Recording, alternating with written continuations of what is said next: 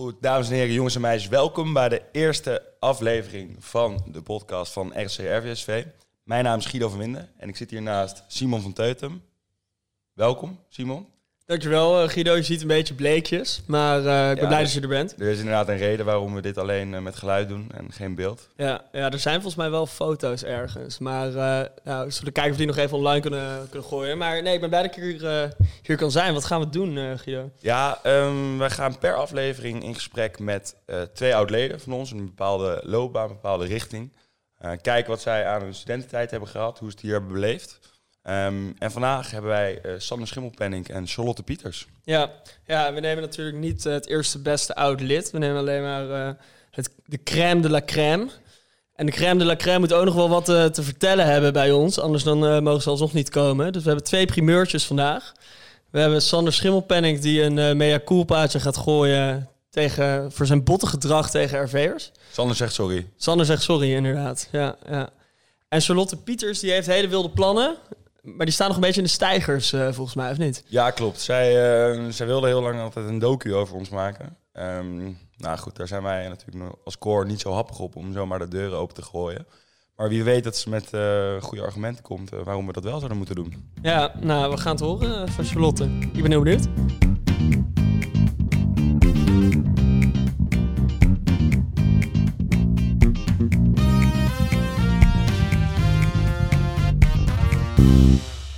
Nou mensen, we zijn er weer. Deze keer niet in Rotterdam, maar in de hoofdstad. We hebben namelijk twee hele belangrijke gasten die we niet uit de grachtengordel wilden trekken om, uh, om naar Roffa te komen.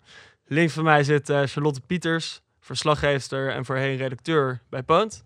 Ook documentairemaker van een andere Crème de la Krooswijk en Dit zijn geen grappen. En rechts van mij zit een uh, oud bikini-tapper volgens mij. Zeker. Uh, oud lui rechtenstudent, die tegenwoordig hoofdredacteur is van Quote. Uh, hij is uh, presentator bij Op1 en Dragon's Den. Columnist bij de Volkskrant en maker van de Zelfspodcast. Heb ik nog eens vergeten? Schrijver van boeken. Schrijver van boeken zijn nu en dan. Naad in Kroatië. dat zijn de details. Ja, ja, een beetje de Prins Bernhard van Kroatië volgens mij. Uh, Sander Schimmelpenning hebben we het natuurlijk over. Welkom allebei. Top dat jullie er zijn. Uh, heel leuk dat jullie mee wilden doen. Hoe is het ermee? Goed, ja. Ik ben een beetje moe. Ik heb een kort nachtje gehad na op één. Ja. Ja. Maar, um, ja. Jullie zijn jong, hè? Dat houdt mij dan ook weer jong. Ja, precies. Ja. Zolang je maar een beetje met mensen zoals ons uh, omringt. Ja. Maar laten we even bij het begin beginnen. Want jullie komen uit uh, Hengelo en Barendrecht, volgens mij, allebei. Hoe zijn jullie in godsnaam in Rotterdam terechtgekomen? Nou, vanuit Barendrecht is dat niet zo'n lange rit, toch? Nee. Dat, ik, ik Dan ligt het echt met topografie. Ja. ja. maar hoezo Rotterdam? Ja, ik ging altijd wel uit in Rotterdam en toen op een gegeven moment dacht ik, nou, laat ik daar ook maar uh, gaan studeren eigenlijk. Dat was eigenlijk, uh, ja, ik, ik kwam daar altijd al, dus dat was eigenlijk voor mij de reden. Gewoon een local. Ja, precies. Dat is wel goed. Vroeger, als je de almanak doorbladerde, dan zag je bij RSC'ers zag je altijd dat ze uit, die kwamen ze uit Wassenaar, Bloemendaal, weet ik veel, al die kakplaatsen, Velp. En bij de erfeesters zag je altijd Barendrecht, Schoonhoven, Leerdam, allemaal van die gaten in de buurt van Rotterdam. Dus dat, het, het aantal locals bij de RV'sters was altijd veel groter. Ja, dat geloof ik wel. Ja. Maar jij was samen met uh, je maatje Jaap toch ook... Uh... Ja, dat was wel toeval. Ik, uh, ik, ben, um, ik ben eigenlijk gewoon naar Rotterdam gegaan op een soort van raar onderbuikgevoel van... dat is een interessante stad. En ik, ik dacht wel, ik kom in Amsterdam uiteindelijk toch wel terecht. Nou, dat is ook zo gebleken. Mijn hele familie ging altijd naar Leiden. Nou, dat van kneuzen en kakkers. Uh, en in Delft uh, moet je technisch iets doen. Nou, daar had ik ook geen zin in. En Groningen was ver weg. En ik, ik kwam al van ver weg. Dus dat, dat, ja, dat was gewoon wegstrepen. En waren jullie toen al zo bezig met media dingetjes? Of echt totaal niet? Ik echt nul. Nee? Nee. Nooit in de schoolkrant of op het toneel bij de groep 8 musical? Nee, ja, ik heb wel toneel gedaan. Maar voor de rest, ik, heb, uh, ja, ik, dacht, ik dacht toen een tijd, dacht ik gewoon, ik ga uh, het bedrijfsleven in en ik zie het wel. Ja. Nou, dat dacht ik natuurlijk ook. Alleen, ik had dan toch blijkbaar wel al op de middelbare school uh, de neiging om de spotlights wel op te zoeken. Want ik deed wel mee aan het lagerhuis en, en uh, de zwakste schakel. De, de, wat werd uitgezonden in mijn ontgroening. Waardoor ik best wel extra de lul was toen. Ehm, dus ik, het zat er wel een beetje misschien al wel in. Maar wat bedoel je dan met de zwakste schakel? Dat was... Ja, dat was een quiz, weet je wel, met Shasha Morali. En eh, daar deed ik aan mee toen ik eh, 18 was en nog eh, eindexamen eh, moest doen. Dat was je heel jong, Was ik 18 jaar? toch? Ja. Ja. En dat won ik natuurlijk. Ehm, eh, ehm, eh, Deze eh, intellectueel toen had, ik, tegenover eh, mij. toen had ik, nou, dat heeft niks met intellectualiteit te maken, het is gewoon dom feitjes. Ehm, en hele slechte tegenstanders. Ehm, en toen had ik 2500 euro gewonnen om te interrailen. Ja, dat is best lekker op Ja, je dat leeftijd, toch? lekker. Ja. En later ook de slimste mens natuurlijk. Je Ja, had je al even geoefend. ja, ja, ja. Maar goed, dat is tegen BN'ers, dus dat is nog makkelijker. Maar ik vind het wel grappig, want jullie zijn, jullie zijn allebei Wil je eigenlijk... daarmee zeggen dat alle Nou ja, ja. Ze, ze zijn niet zo op, eh, op hun eh, kennis uitgezocht, nee. Alright. Maar jullie dachten dus eigenlijk allebei van we gaan gewoon het bedrijfsleven in. Jij hebt volgens mij ook stage gelopen bij Nationale Nederlanden of zo. eh. En Ja. Sander... Wat, wat heb je gestudeerd eigenlijk? Ik heb eerst commerciële economie gedaan. Oh jee, Sander, ik heb HBO gedaan. En toen Nee, daarna dat, dat communicatie. mag. Dan Ja, dat mag je ik. alleen niet bij het koor. Maar je mag wel, dus op zich je mag je het wel studeren. Nee, nee, nee, dat weet, dat, dat weet ik. Alleen, jij hebt toen gezegd, dan mag je niet bij het kort, toch? Ja, dat, is- eh, daar komen we straks nog wel op. Oké, dat is goed. Ehm, maar ja, dat heb ik inderdaad gedaan. En dat vond ik heel saai. Ja, en Sander, jij ook op de Zuidas vond je ook verschrikkelijk volgens mij. Ja. Want het is best wel een gebruikelijke route over het algemeen voor RSC'ers om, eh, om die kant op te gaan. Ja. Maar wat, wat was het uiteindelijk dat jullie er denken van, nou, dat gaan we even niet doen? Ja, ik dacht op een gegeven moment, ik dacht gewoon, ik, ik, ik, in ieder geval bij Nationale Nederlanden, toen was ik bezig met dekkingsgraden van pensioenen en weet ik veel. Ik dacht, dat, ik vind dit gewoon heel saai. En toen kwam ik bij Ahold, daarna heb ik stage gelopen en toen dacht ik, oh nou, dit vind ik al een stuk leuker. En toen op een gegeven moment, ik weet niet waarom, maar toen dacht ik gewoon op een gegeven moment, dacht ik, laat ik eens kijken bij Megastad FM. En dat zat in Rotterdam. En toen eh, maakte ik eigenlijk kennis met de radio en toen dacht ik, oh, dit vind ik eigenlijk veel leuker. Dus zo, zo eigenlijk. Jij, Sander? Ja, voor mij, eh, eh, voor mij gold dat je... Ja, ik, ik was gewoon niet zo heel erg bezig met nadenken wat ik nou eigenlijk zelf wilde. Ik denk dat je als je jong bent, als je studeert, ben je vooral bezig met wat je omgeving van je verwacht. Eh, voor mij gold dat in ieder geval. En ik was redelijk, ja, ik kon redelijk goed studeren. Dus ik liep vrij makkelijk door rechten. En dan krijg je al snel van die recruiters in je nek die je proberen binnen te trekken bij een groot kantoor. Nou, dat vind je dan wel gaaf. En dan denk je, nou, wel cool, mag ik een pak aan. Een beetje met leuke meisjes en best wel gaaf allemaal. Eh, en voor je het weet zit je in een kutbaan. Dan zit je daar in zo'n kantoor en dan verdien je 3000 euro. En dan denk je, nou, best wel cool. Ik heb een baan. Het was ook in, in de tijd dat... Het was net na de crisis, 2009 had ik mijn eerste baan. Dan hadden heel veel van mijn clubgenoten, hadden, die konden geen baan vinden. Want het was best moeilijk. Dus dan denk je, nou, ik heb het goed gedaan. Ik moet Ja. tevreden zijn. Maar als je dan ehm, eh, ja, even analyseert wat je de hele dag aan het doen bent... eh, tegen welk loon ook, als je gaat rekenen... dan denk je van, ja, het is eigenlijk gewoon echt een hele grote kutbaan. Ik zit hier gewoon eh, 80 uur per week te werken aan iets wat ik helemaal niet leuk vind. En ehm, eh, ja, ik, ik kwam eigenlijk eh, al na een paar maanden kwam ik erachter dat ik het vreselijk vond. Dus eigenlijk al best wel snel. dan. Ja, heel snel. Ja. Maar het duurde toch nog wel 2,5 jaar voordat ik uiteindelijk durfde te zeggen, ik hou ermee op. En waarom was dat dan? Nou ja, omdat je eerst denk je natuurlijk van het ligt aan mij. Eh, wat ik ni- niet zo heel vaak denk trouwens. Maar Ehm, eh, eh, ik dacht dat wel. Van het ligt aan mij. Ik moet doorbijten. En ik moet misschien naar een andere afdeling. Het ligt aan mijn baas. Dus toen ben ik ook naar een af- andere afdeling gegaan. Na wel behoorlijke ruzie. Ehm, en je denkt ook van, ja, wat dan? Dat is natuurlijk ook de grote angst. Want je, je durft ook niet zomaar je baan op te zeggen. En, en, en te zeggen van, ik, ik ga maar even werkloos zijn en kijken wat ik dan ga doen. Dus ik zat soort van te wachten totdat eh, er iets anders voorbij kwam. Maar ja, dat komt dan natuurlijk niet. Dus je moet toch, eh, je moet toch gewoon durven eruit te stappen. En En dacht jij ook niet... Oh, sorry. ja, wat was dan het punt als je echt dacht van oké, fuck it, nu ga ik gewoon... Want jij bent eerst gaan ondernemen toen, je hebt de Ja. pizza tent opgezet. Ja. Wat was het moment dat je dacht van oké, nu ga ik het gewoon zelf doen, want als ik eh, blijf wachten, dan zit ik hier over tien jaar nog? Nou ja, ook wel mijn baas. Dat wordt dan toch ook door. Kijk, ik, ik liep natuurlijk de kantjes er vanaf. En eh, mijn baas die begon ook een beetje te mokken. Die zei van, gozer, ja, wat ben je nou aan het doen? Hè, je vindt het helemaal niet leuk, dat weten we allemaal. Dus, dus wa- wat wil je nou? Die was best wel, dat was wel goed. Op een gegeven moment heb je iemand nodig die je even in je gezicht slaat en zegt van, wat ben je nou aan het doen? Toen dacht ik van, ja, fuck. Maar je Eh, liet dat dus ook heel duidelijk zou ik maar zeggen, doorschemeren op het moment dat je daar was. In de Ja. zin het was niet alsof je een soort van, nou ja, ik ga met tegenzin er naartoe, maar als ik daar ben, dan... Nee, nee, ik ben een hele slechte acteur. Dus het is niet, eh, niet dat je aan mij niet ziet dat ik het niet leuk vind of zo. Dus ehm, eh, nee, nee, dat was vrij duidelijk. En, en ja, eh, dat is eigenlijk een hele kinderachtige manier dat je dus eigenlijk te laf bent om zelf weg te lopen en het dan maar zo ellendig maakt voor iedereen dat ze tegen jou gaan zeggen, moet je niet weg. Ja. Ehm, en toen, toen, toen dacht ik van, ja, die man heeft ook gelijk. En wat ben ik nou aan het doen? Dus toen hebben, heb ik gezegd van, ja, je hebt gelijk, ik ga ook gewoon weg. Ehm, en eh, dat had hij nou ook weer niet verwacht. Maar goed, ja, eh, dat, dat heb ik toen wel gedaan. En daar kwam wel bij dat Jaap, eh, mijn beste maatje, die, die was toen eigenlijk ook net in een fase. En toen zaten we, die had de X-Factor gewonnen. En die was van het ene moment was hij de nieuwe held. En een half jaar later stond hij in de regen voor, voor vijf man op te treden. Dus die dacht ook van, kut, wat ga ik nu doen?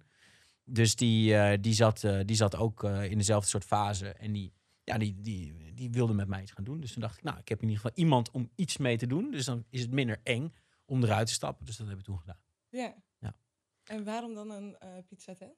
Ja, dat, was, eh, dat, eh, dat kwam voorbij. Ja, we waren in Parijs en we dachten, dat is leuk. Het was een franchise van een bestaand concept. En we hebben dat gewoon gedaan. En dat was, dat was heel leuk. Daar heb ik ook echt geen seconde spijt van. Want als Rotterdammer wil je toch ook ondernemen. Hè? Dat zit er toch ook in. Zeker. Heb jij dat ook, Charlotte? Om wel een drang een beetje om... eh, Ja, soms denk ik wel eens, nou, ik ga, ik ga compleet wat anders doen. Ja. Dus ja, ik herken dat wel. Ja. Maar hoe ben jij dan uiteindelijk die mediawereld ingerold, Sander? Want je hebt, oké, je hebt eh, ondernomen en uiteindelijk dacht je van, oké, ehm, dit heb ik nu als mooi project eh, toch een beetje afgemaakt. Mm. Hoezo, hoezo media? Of hoe kwam je daarbij? Nou ja, dat, eh, kijk, het enige wat ik wel leuk vond als advocaat was schrijven. Dat, dat kon ik gewoon wel goed. En eh, ik kreeg altijd op mijn flikker van mijn baas dat ik veel te, ja, veel te bloemrijk schreef. En als advocaat moet je heel puntsgewijs natuurlijk de boel eh, op een rijtje zetten. En dan had, ik een heel mooi verhaal geschreven. En dan zei hij, ja, het is heel leuk om te lezen, maar het is niet relevant. Dus flikker eruit. Ehm, eh, dus ik dacht altijd wel van, eh, ja, dat, daar moet ik wat mee. Dus het, was vanaf meet af aan wel het idee eh, dat Jaap kon blijven zingen naast de pizza's of muziek maken en dat ik kon gaan schrijven. En dat, dat heeft wat langer geduurd voordat ik ook ben gaan schrijven, omdat Jaap weigerde te werken en ik die tent in mijn eentje moest runnen. Ehm tering, Jaap. Ehm, en, eh, maar goed, uiteindelijk heb ik dat wel na tien maanden eh, kunnen doen. En ehm, toen ben ik gaan solliciteren bij Quote. En eh, vanaf toen eh, ging het allemaal lopen. En je kende daar verder ook niemand. Je dacht gewoon van, Nee. fuck it, ik stuur een mailtje en... eh, Ja, nou, ik, ik ging praten bij de NRC. Want daar ken ik iemand. En die zei, eh, dat was de Philip de Witwijnen, die was de, de, de chef economie. En die zei van, nou ja, als jij bij zo'n keurige krant als het NRC wil schrijven, dan kun je dat niet als parttimer doen. Dan moet je dat fulltime doen. En ik wilde het parttime doen, want ik had die pizzatent. Ja, maar toen zei hij van, nou, ga eens bij Quote praten, want dan willen ze nog wel eens eh parttimers aannemen. En iemand met zo'n gek profiel als jij, dat vinden ze daar wel leuk. Dus nou, eh, zo geschieden. Ja. ja, Charlotte, jij bij Poont terechtgekomen. Maar jij hebt daarvoor ook nog stage gelopen bij NOS. Was dat Ja. te saai? Of... Nou, dat was eigenlijk pure toeval. In de zin van, ik wilde heel graag stage lopen bij de NOS. Alleen ik had in eerste instantie, eh, dacht ik eigenlijk aan het jeugdjournaal. En toen kwam ik eh, aan in Hilversum en toen was ik een beetje laat voor de sollicitatie. Dus toen ging ik liften en toen stapte ik toevallig in bij chef economie. En die belde me toen de dag daarna op. Die zei, joh, eh, wij hadden eigenlijk geen stageplek, maar kom hier maar zitten. Dus dat is eigenlijk de reden dat ik toen daar op de Wat heb jij gedaan in die auto? Helemaal niks. Nee, helemaal niks. Ik wist Gewoon jezelf gewe- geweest. Gewoon leuk, vrolijk het, jezelf het, geweest. het, het klinkt heel gek, maar helemaal niks. En ik, hij had ook helemaal niet gezegd dat hij bij de NOS werkte. Laat staan. Oh. Dus ik dacht echt, huh? En toen later, toen kwam ik daar, toen dacht ik, oh, oh wacht even. Ehm, maar dat vond ik, ik, ja, ik vond het wel prima, maar ik vond het niet heel leuk. Het was een beetje saai. Ja, en toen ben Poont toch iets meer de randjes op gaan zoeken. Of iets steviger, eh, iets meer nou ja, daar had je iets meer vrijheid in de zin van, ehm, nou, uiteindelijk ook maar tot beperkte, eh, nou ja, niet altijd, maar je had daar wel iets meer vrijheid in de onderwerpkeuze wat je ging maken die dag. En dat vond ik wel heel leuk. Terwijl bij de economieredactie van de NOS is het toch vaak Overtikken wat... eh Nou ja, en dit zijn de CBS-cijfers. En eh, vandaag gaan we toch even laten zien Ja. eh, hoe de koopkracht ervoor staat. Ja, dat spreekt mij persoonlijk ja, niet, eh, niet heel erg aan. Ja. Een echte Rotterdammer, jij. maar hoe, dat heb ik nog even gemist. Hoe heb je de stap gemaakt eh, van commerciële economie, dus dus laten we zeggen een soort van standaard eh, ja, bedrijfshoekje, naar de media? Want daar moet er toch iets in jou zijn geweest waardoor je hebt gedacht van, nou, ik, ik, vind, ik vind dat wereldje leuk, of ik hou van die aandacht, of ik, eh, er moet toch iets in zitten? ja, het was En dat je in je club eh, vroeger altijd toch een beetje het hoogste woord had, of zo, zoals in mijn geval. Ja, dat het er toch in zit, zou ik maar zeggen. Ja, Charlotte had dat- natuurlijk geen lengte om voor te compenseren. Nee, Dus nou ja, ik weet niet. Ja, iedereen heeft wel iets om voor te compenseren. Ja, oké. Simon. Nee, ja, dat misschien wel. Maar het was wel... Ik weet wel nog dat het best wel... ehm ster, ik weet nog in de Eureka-week, toen was op een gegeven moment... ehm, had je Dennis Storm, die was toen eh, Ja. gast. Toen eh, stond ik heel lang met hem te kletsen. En toen, ik weet wel dat ik toen dacht... Oh, het is eigenlijk wel heel leuk wat hij doet. En hij, Ja. nou ja, hij is natuurlijk ook overal geweest, heeft heel veel programma's gemaakt. Hij is nu een soort van burn-out millennial die alleen maar met de wind leeft op Bali, hè? Ja, toch? En Ja. putten en dat soort Ah, dingen. ja. Ehm, en toen weet ik wel dat ik kort daarna dat ik dacht, ehm, ik ga gewoon eens een keer kijken bij de radio in Rotterdam. We zullen het zien. En toen zeiden ze, nou blijf maar. En toen merkte ik wel heel snel van, oh, maar ik vind het eigenlijk wel heel leuk. Ja. Dus, maar dat was niet soort van echt een vooropgezet plan. Want het is wel opvallend hoeveel eh, mensen met een core verleden die totaal niet iets in de media hebben gestudeerd of, of in die richting hebben gestudeerd, toch in de media terechtkomen. ja klopt. Ik bedoel, van Bo van Ervedorens tot, eh, nou, noem ze maar op. Zitten er echt wel heel veel stiekem. Ja, En allemaal via een omweg. ja. Niemand die soort van, eh, Nee. nee, aan de voorkant dat had bedacht. En uiteindelijk is het toch ook eigenlijk best wel laagdrempelig als je iets wil proberen in elk geval de media. Jij zegt, ja, ik heb gewoon een mail naar Quote gestuurd of via Philip de Witwijnen Ja. eh, dat geregeld. Charlotte, jij was bij Megastad FM eh, Ja, je bent nu wel aan, aan ons talent aan het afdoen. begonnen. Ehm, nou, ik zeg dat het beginnen laagdrempelig is. Ja. niet, dat het, niet dat het groot worden Nou ja, erin ik denk eh, als je nee, laat nee, je- hebt helemaal gelijk. ja, Probeer, probeer een beetje al die corporate studentjes in Rotterdam te laten weten dat het ook best makkelijk is om gewoon Ja. iets, te iets anders te proberen dan ze vooral in een omgeving zien.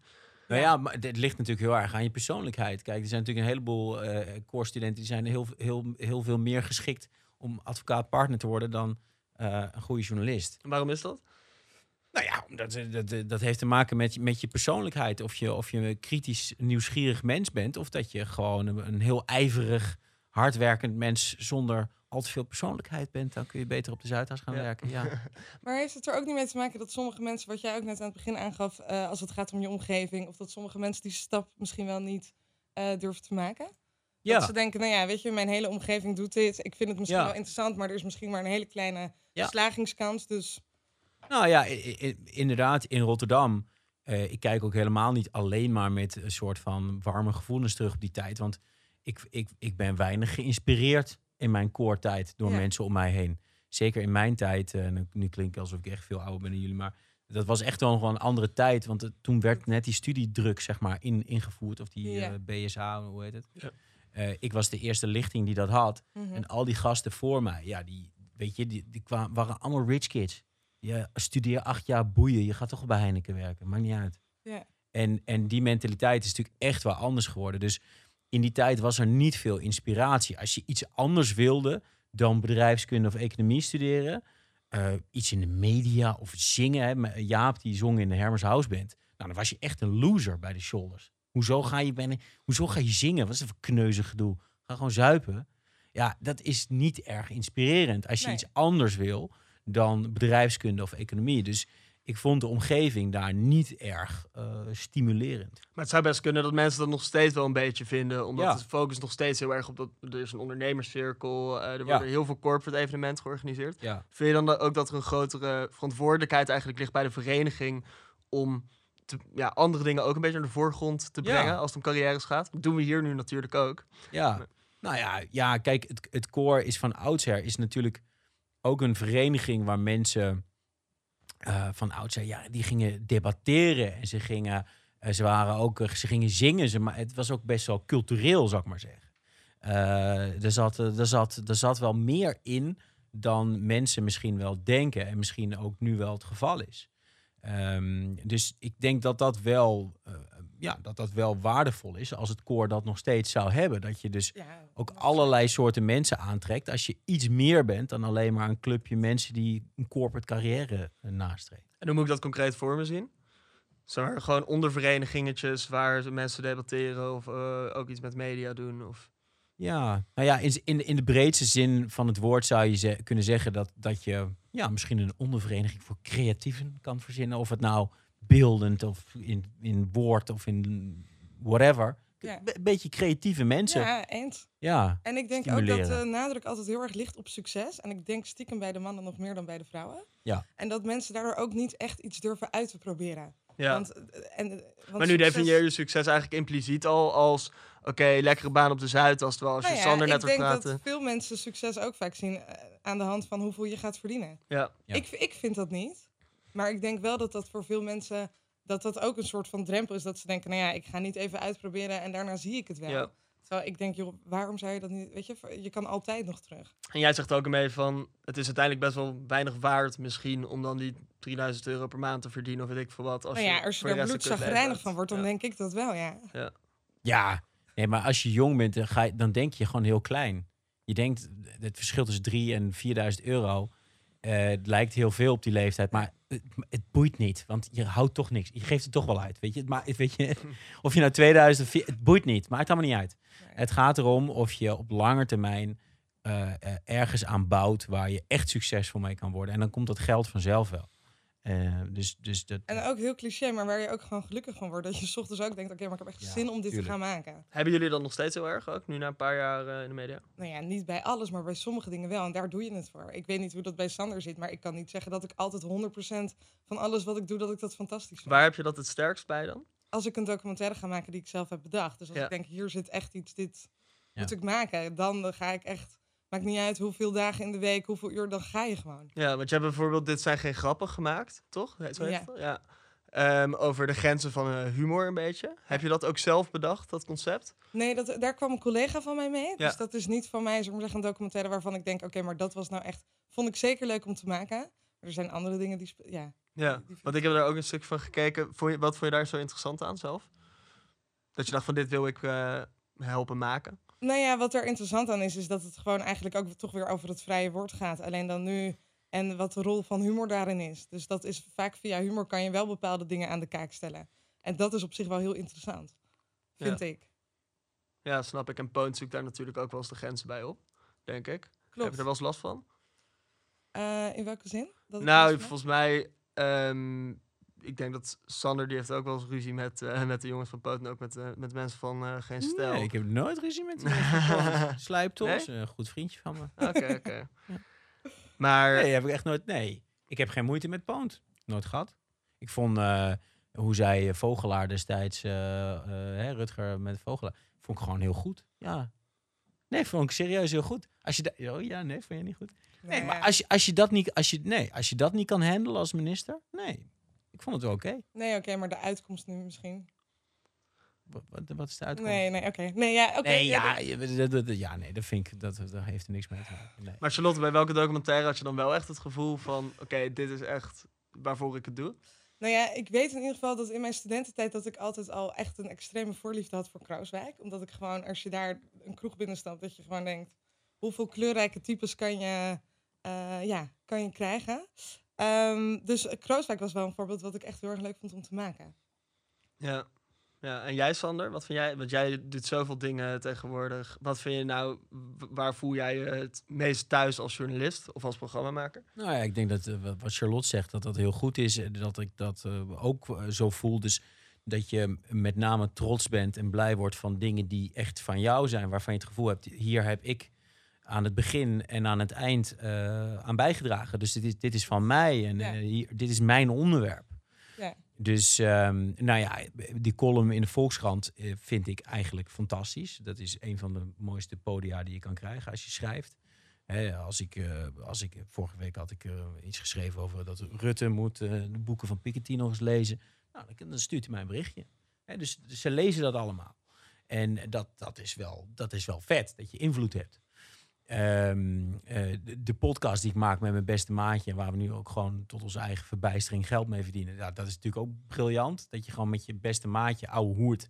En dat daar een businessmodel voor is. Hadden jullie ooit verwacht dat dit, zou ik maar zeggen, deze vorm zou aannemen? Nee, nee. Nou, we hadden er, ik had er wel een beetje op, ge- op gehoopt. Want Ja. het is gejat uit Zweden, het concept. Ja. En in Zweden lopen ze enorm voor op ons als het gaat om podcast. Dus ik wist dat de potentie er wel was. En dat het concept van twee vrienden goed werkt. Omdat je die vertrouwelijkheid, hè, echt van alsof je ons kent. Alsof we aan de keukentafel zitten. Ja, dat werkt gewoon. En, en als je dan ook nog een beetje actualiteit bespreekt. En, en er een soort van relevantie inbouwt. Dan, dan blijft het ook doorgaan, zeg maar. Eh, dus ik, ik, we hebben er wel echt over nagedacht. Het is niet dat we maar gewoon wat zijn gaan doen. We, hadden- we hebben er wel over nagedacht. Maar goed, dan moet het alsnog wel lukken. het- ja. Nou, en tv-werk is een ander verhaal. Daar moet ik eerlijk over zijn. Dat doe ik met name voor het geld. Ja, dat kan ik heel, heel, heel mooi maken. Maar nou, dat is, dat Maar is wel te ook niet eendimensionaal. heel erg afhankelijk van wat je, wat je doet.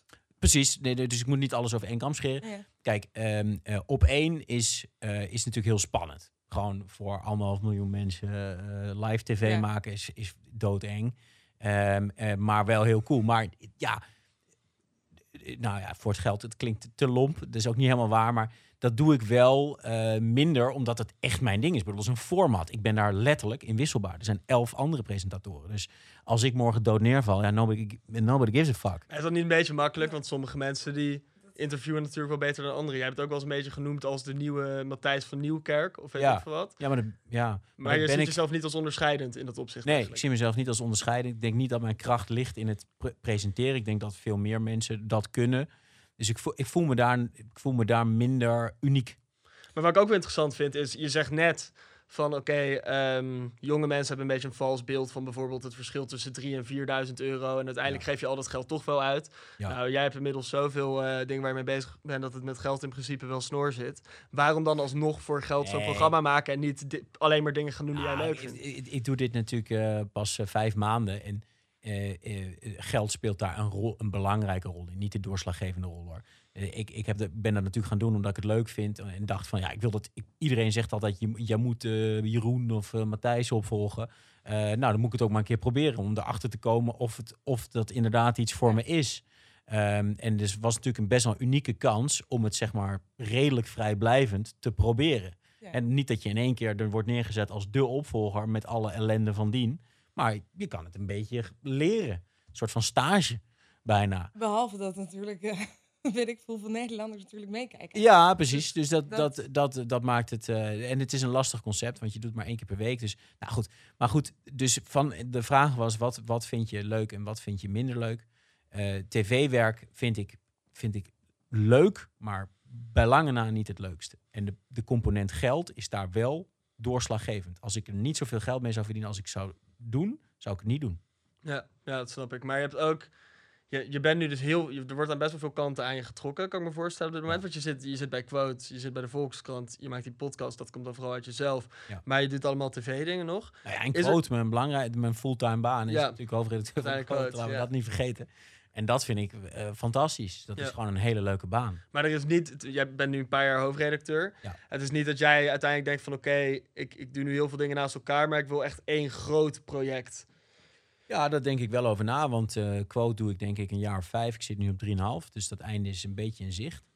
En eh, dat zou dan vervangen moeten worden door een groot nieuw project. En wat dat is, ja, daar ben ik nu druk over aan het nadenken. Maar dan kun je, heb je nog geen, niet een beetje Nee. eh, brainstormen. Nee, maar ja, ik zou wel graag meer ondernemen. Toch weer ondernemen. Ja. Ja. En deze keer geen pizzatent. Geen pizzatent, nee. Nee, nou goed, kijk, dat, dat blijft... Nou goed, dat, dat noemde Charlotte net eigenlijk ook al. Dat je, wil ergens ehm, ja, eh, ownership of eigenaarschap hebben over de dingen die je doet. En als je, als je, aan een, als, je als presentator in een format zit... Ja, dan heb je, is je invloed gewoon heel beperkt. En ook als je hoofdredacteur bent van een blad... wat in bezit is van een Amerikaanse uitgever... eh, die vooral geïnteresseerd is in jouw winst... en niet zo in jouw merkontwikkeling dan ben je ook ingekaderd. En wij zijn hè, jonge mensen die, die voelen zich, en zeker creatieve mensen, voelen zich natuurlijk al heel snel ingekaderd. En dat wordt irritant en dan wil je uit. Dus dan, ja, dan heb je bijna geen andere optie dan voor jezelf beginnen. Nou ja, en ik denk dat het daar vaak ook beter van wordt. Op het moment dat je dus niet allerlei restricties hebt. Wat heel Ja. logisch is. Ja. Maar ik denk als je een beetje de vrijheid hebt, dat er ook veel meer uit kan ontstaan. Denk Ja. ik. Nou, Ja, en in, in onze wereld, de mediawereld, is, ehm, is het ook best een unieke tijd, denk ik. Ehm, om nieuwe dingen te, te, te proberen. Omdat alles is aan het schuiven. Hè. De televisiewereld is natuurlijk, staat in de fik. De bladenwereld, eh, krantenwereld, alles is aan het schuiven. Er komen nieuwe media op, zoals podcast, waar we in Nederland eigenlijk onwijs mee achterlopen. Ehm, eh, er komen allerlei nieuwe dingen, er komen nieuwe verdienmodellen. Dus het is een hele interessante tijd in de media, ook om te ondernemen. Want Charlotte, jij zei, ik heb ook wel iets ondernemers in, maar dat zou dan ook in de mediawereld zijn, denk nee, ho- hoeft niet per se. Maar ik denk ook wel eens van, ik zou liever gewoon... Ik heb eh, x aantal ideeën, dat zou ik het liefste gewoon zelf gaan produceren. En noem eens wat.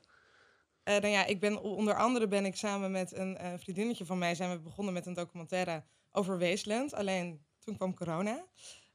Omdat wij eigenlijk op die manier ook wilden laten zien het hele ontstaan van Weesland. Ook wat dat, zou ik maar zeggen, te maken heeft gehad met Vertel even, luister, wat is Weesland? Weesland, Weesland is, ja, men, ik denk dat veel mensen denken Weesland is een heel smerig feest. Dat is eigenlijk een feest waar iedereen het met elkaar, tenminste, dat is dus niet zo, maar er zijn veel mensen en die zien het dat je daar gewoon met Jan Alleman kan je daar seks hebben. Een Eh, week. Ja, precies, zoiets. Mooi. Ehm, maar er zit, daar zit heel veel geschiedenis achter. En je ziet ook dingen die op Weesland ontstaan, dat dat later ook eh, bijvoorbeeld in Nederland of ergens anders, dat dat, zou ik maar zeggen, eh, ook wordt overgenomen. En wat gewoon heel erg leuk is, dat is ontstaan in de reguliers dwarsstraat. En zij zijn gewoon heel erg voor, nou ja, iedereen moet kunnen zijn wie die wil zijn. Als je, ook als je kijkt naar de leeftijden, wat er allemaal voorbij komt. Ik vind dat heel interessant. Het is namelijk veel meer dan alleen een feest. Maar dat is wel een beetje een rode draad, want jij, dat Crème de la Krooswijk is natuurlijk een centraal thema daarin, is toch een beetje eigenheid. En eh, dat laten zien aan mensen op een manier die niet eh, vervelend of neerbuigend is, zoals dat wel is gebeurd. Over wijken als Krooswijk, maar ook zo over feesten zoals Weesland. Mhm. Wat drijft jou om dat, ehm, om dat soort dingen op een andere manier in het daglicht te stellen? Ja, ik, dit klinkt echt, dit klinkt echt wachtelijk, maar ik vind gewoon dat soort mensen vaak gewoon heel interessant. Ja. Ik ben gewoon heel erg benieuwd. Het is een andere wereld waar zij in zitten dan waar ik in zit. Eh, wat drijft hen? Waarom doen ze dit? Hoe ziet hun leven eruit? Dat vind ik gewoon heel interessant. Juist bij die soort van subculturen. En dat zie je in heel veel dingen zie je dat terug. Dat iedereen ook zijn eigen gebruiken en tradities heeft. En hoe mensen daar invulling aan geven. En bijvoorbeeld dan bij zo'n weesland, hoe dat, zou ik maar zeggen, ook een soort van, voor sommige mensen zelfs een soort van rode draad in hun leven is. Dat vind ik gewoon heel interessant om te zien als je dat kan uitleggen aan een kijker die daar helemaal, die helemaal buiten die wereld staat. Dat je een soort van inkijkje kan geven. Dat vind ik het leuk. Dus het komt eigenlijk uit een soort van eigen nieuwsgierigheid Ja, en passie ermee. Ja. Oké, en ja. En misschien is het ook wel zo dat je het best programma's kan maken of over dingen kan schrijven als je er ook echt. nieuwsgierig zelf- naar ja, bent. Ja. En dat is heel, ik maar dat kan alle kanten op gaan wat dat dan is. Maar ja, dat vind ik wel het leukste. ja. Dan moet je eigenlijk een soort van eh, Nederlandse Louis Theroux willen worden. Ja, Maar ga je, dan ook, fan. ga je dan ook helemaal op in die subcultuur? Ga je dan ook seks hebben met iedereen? Nee, Sander, helaas. Nee, ja, of eh, weet ik veel. eh, weet ik veel wat voor subcultuur. Kopstootjes je- doen in. eh, Nee, want het, gaat mij, zou ik maar zeggen, ik vind het heel erg leuk om de verhalen van andere mensen te vertellen. Maar het, hoeft, maar het gaat mij niet om, eh, het is niet een soort, Assimilatie. het is niet een soort ego-document. Ik vind Nee, het veel nee. leuker dat ik een portret kan maken van die mensen. De kracht van Louis Theroux is natuurlijk dat hij...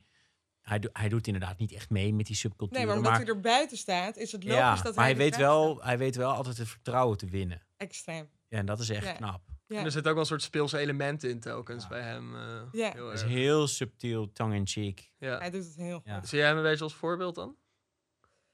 Nou ja, hij- is natuurlijk heel groot, maar ik kijk wel vaak naar dingen van hem. Ik vind dat hij het extreem goed doet. En dat je ook als tv-maker kijk je daar denk ik anders naar. Dat je gewoon soms ziet dat ik denk, oh wauw, met net dat zinnetje heeft hij heel slim, eh, nou ja, gaat hij die en die en die kant op. Ik vind dat heel mooi om te zien. Hij doet het wel eh, echt anders, vind ik, dan als je naar de meeste tv-makers kijkt. Ik vind het ik ook wel benieuwd naar ben als we het over documentaires hebben of ehm, inzichten in subculturen. Ja. Het RSC is natuurlijk ook eh, beetje in beeld gekomen. Ik met, ben eh, blij dat je het erover begint. ik wil namelijk heel graag een documentaire maken over Ja? jullie. Ja, Ja? dat weet Guido, ja. En vind, je- maar vind- vinden jullie eigenlijk dat de toon die je op dit moment in de media vaak hoort als het over RSC of ook andere corpora gaat, vinden jullie dat terecht? Het is toch wel heel gauw eh, best wel veel van ja, opheffen die hap of eh, die praktijken daar slaan helemaal nergens op, die ontgroeningen slaan nergens op. Wat is jullie mening daar eigenlijk over? Ja, nee, ja, ik, vind- ik vind dat het er vaak veel, veel te negatief. eh, ja, dat, dat, dat, er wordt eigenlijk, eigenlijk alleen maar negatief over gesproken. Wat op zich ook niet zo gek is, want dat- zo werkt het nou eenmaal in de media. Dus dat begrijp ik ook wel. Maar er is ook gewoon natuurlijk onwetendheid van mensen. Want mensen weten niet wat het is. Dus ze hebben heel snel een soort van stigma. En alles wat daar, ja, wat dat lijkt te bevestigen of te benadrukken. Dat, Ja, en als je alleen maar nieuws hoort wanneer er iemand op zijn hoofd wordt geschopt of zo, dan ehm, ontwikkel je natuurlijk niet een heel positief beeld. Dus jij zou eigenlijk zeggen, ik wil een iets bredere documentaire maken. Nou ja, je- ja, daar heb je ook, dat kan ook niet in een itempje, denk ik, van twee Ja. minuten. Je moet echt voelen wat jullie dan met elkaar hebben en wat dat dan betekent. Ja, lijkt mij heel interessant. Sander, jij hebt je ook wel eens uitgesproken eh, tegen geweld bij ontgroeningen en zo. Heb je daar nog steeds een sterke mening over? Of? Tegen geweld bij... ja, Wie is er wel voor geweld? Ja, weinig mensen. Nee, nee, nee. Maar goed, het, het koor heeft, heeft een slecht imago. Maar is altijd natuurlijk wel zo geweest. Eh, de, de, ja, de onwetendheid is groot. Dat neem je ook niet heel makkelijk weg. Eh, het, het is denk ik belangrijk. Het enige wat je kan doen als core is gewoon een beetje met je tijd meegaan. Eh, dat is gewoon belangrijk voor de buitenwereld, maar ook voor, voor de relevantie van jouzelf als core. Ehm, je moet gewoon een, een instituut zijn dat met zijn tijd meegaat. Dat betekent dat je dus niet ongemengd moet zijn. Ik ben heel, heel, heel goed dat jullie. Ja, heel goed dat jullie nu eindelijk gemengd zijn. Ik vond het heel dom toen ik er rondliep. En onpraktisch misschien. En onpraktisch, ja. Dan sta je weer met allemaal gasten tot één uur. is gewoon helemaal niet leuk. Ehm, ja, wie gaat er nou uit om met gasten te... Ja. Ehm, eh, en ehm, dat betekent ook dat je moet inzetten op... eh, ja, niet alleen maar mensen uit Bloemendaal die lid worden. Eh, dat betekent dat je niet meer debiele dingen moet doen tijdens de ontgroening. Eh, dat het gewoon een relevante, interessante club mensen is. En als jij nu rector was, wat zou je dan doen om dat te bewerkstelligen? Nou ja, ik denk dat, ik denk dat, er, dat, er eigenlijk heel, dat het heel goed eh, eh, gaat. Dat het eh, eh, ja, behoorlijk de goede kant op gaat met het koor. Dat, eh, dat de incidenten die je hoort, ja, als je eerlijk bent, als oudejaars lach je daar een beetje om. Want in onze tijd was het veel erger wat er allemaal gebeurde. Dus het wordt, het wordt al snel, het is al heel snel veel braver. En mensen studeren hard. En als ik nu mijn oude, hè, al die jongens bij mij in mijn oude huis, ja, dat zijn gewoon schatjes. Weet je, ze gaan allemaal, willen ze stage lopen in Londen. En dan hebben ze een vriendinnetje en dan fietsen ze rond. En dan denk ik, god, wat een, wat een cuties. Allemaal, allemaal een soort Simons. Nou, Ah, Simons. Nee, Simon is wel een boefje. ik ben maar- een boefje. Ja, een boefje.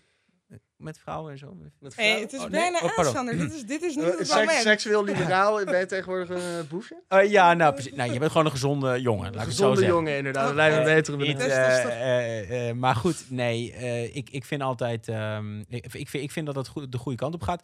Ik denk wel dat je moet inzetten op, eh, op eh, ja, ook een beetje diversiteit. Ja, dat is een kutwoord, maar wel in een stad als Rotterdam, waar natuurlijk de helft van de studenten helemaal niet blank is, wit moet ik zeggen, eh, moet je zorgen dat je ook daarin eh, iets meer een afspiegeling bent. En dat is moeilijk, want ja, die komen niet zo snel aanwaaien.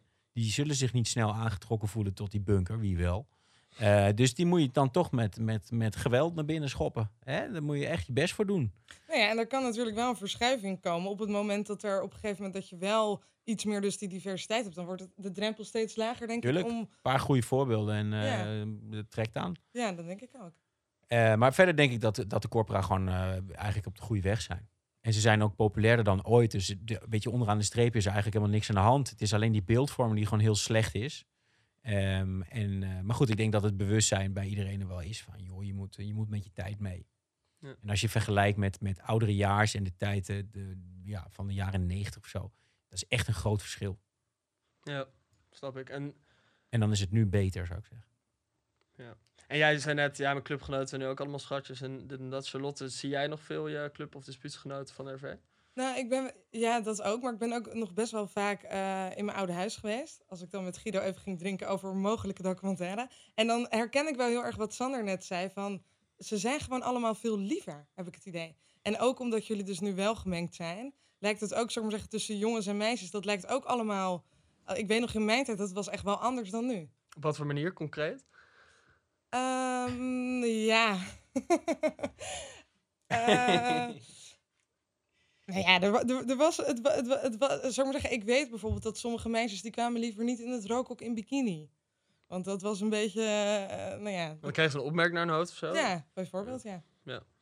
Ja. En Sander kan beter vertellen wat voor opmerkingen dat zijn, maar ja, dat denk ik wel. Maakte jij Dat- ook wel eens dat, dat- soort opmerkingen? dat Zie je- geldt- Wat zie je er leuk uit vanavond? Ja, precies. Ja, Dat geldt natuurlijk niet. ook een boefje. Dat geldt natuurlijk niet dat dat bij iedereen zo was. Het is natuurlijk niet zo alsof to- toen helemaal geen Nee, RVC's met er was- RSC'ers omgingen, totaal niet. Ja, maar er was echt wel een, een, een, eh, een hele slechte sfeer Ja. rondom hoe wij met eh RV'sters omgingen. Ja. Recreation vehicles noemden we ze.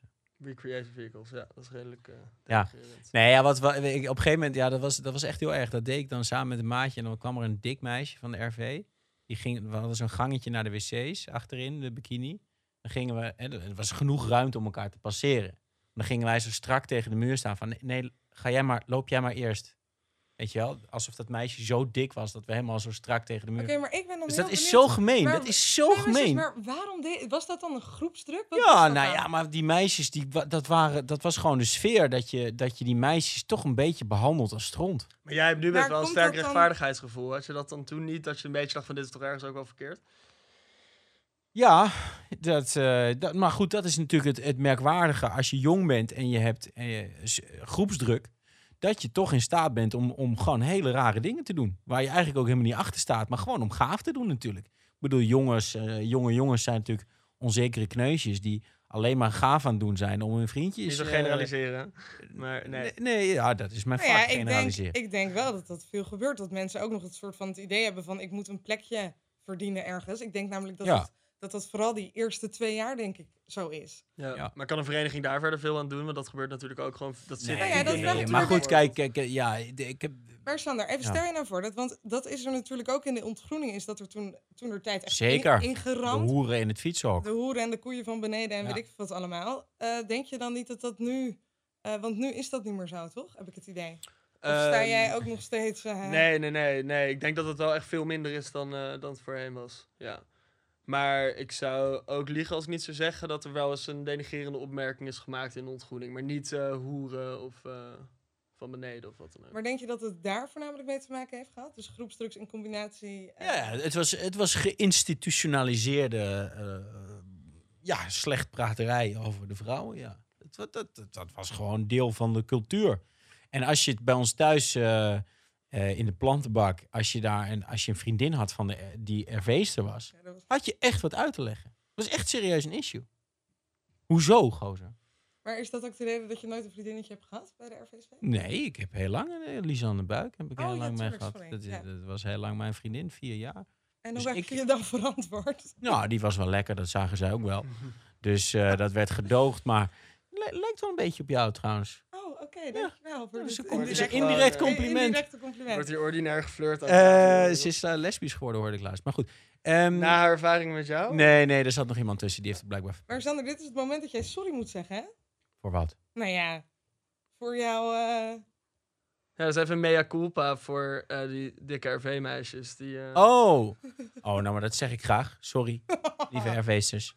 Eh wat ik jullie allemaal ook heb aangedaan. En het is niet mals. Eh, het spijt me.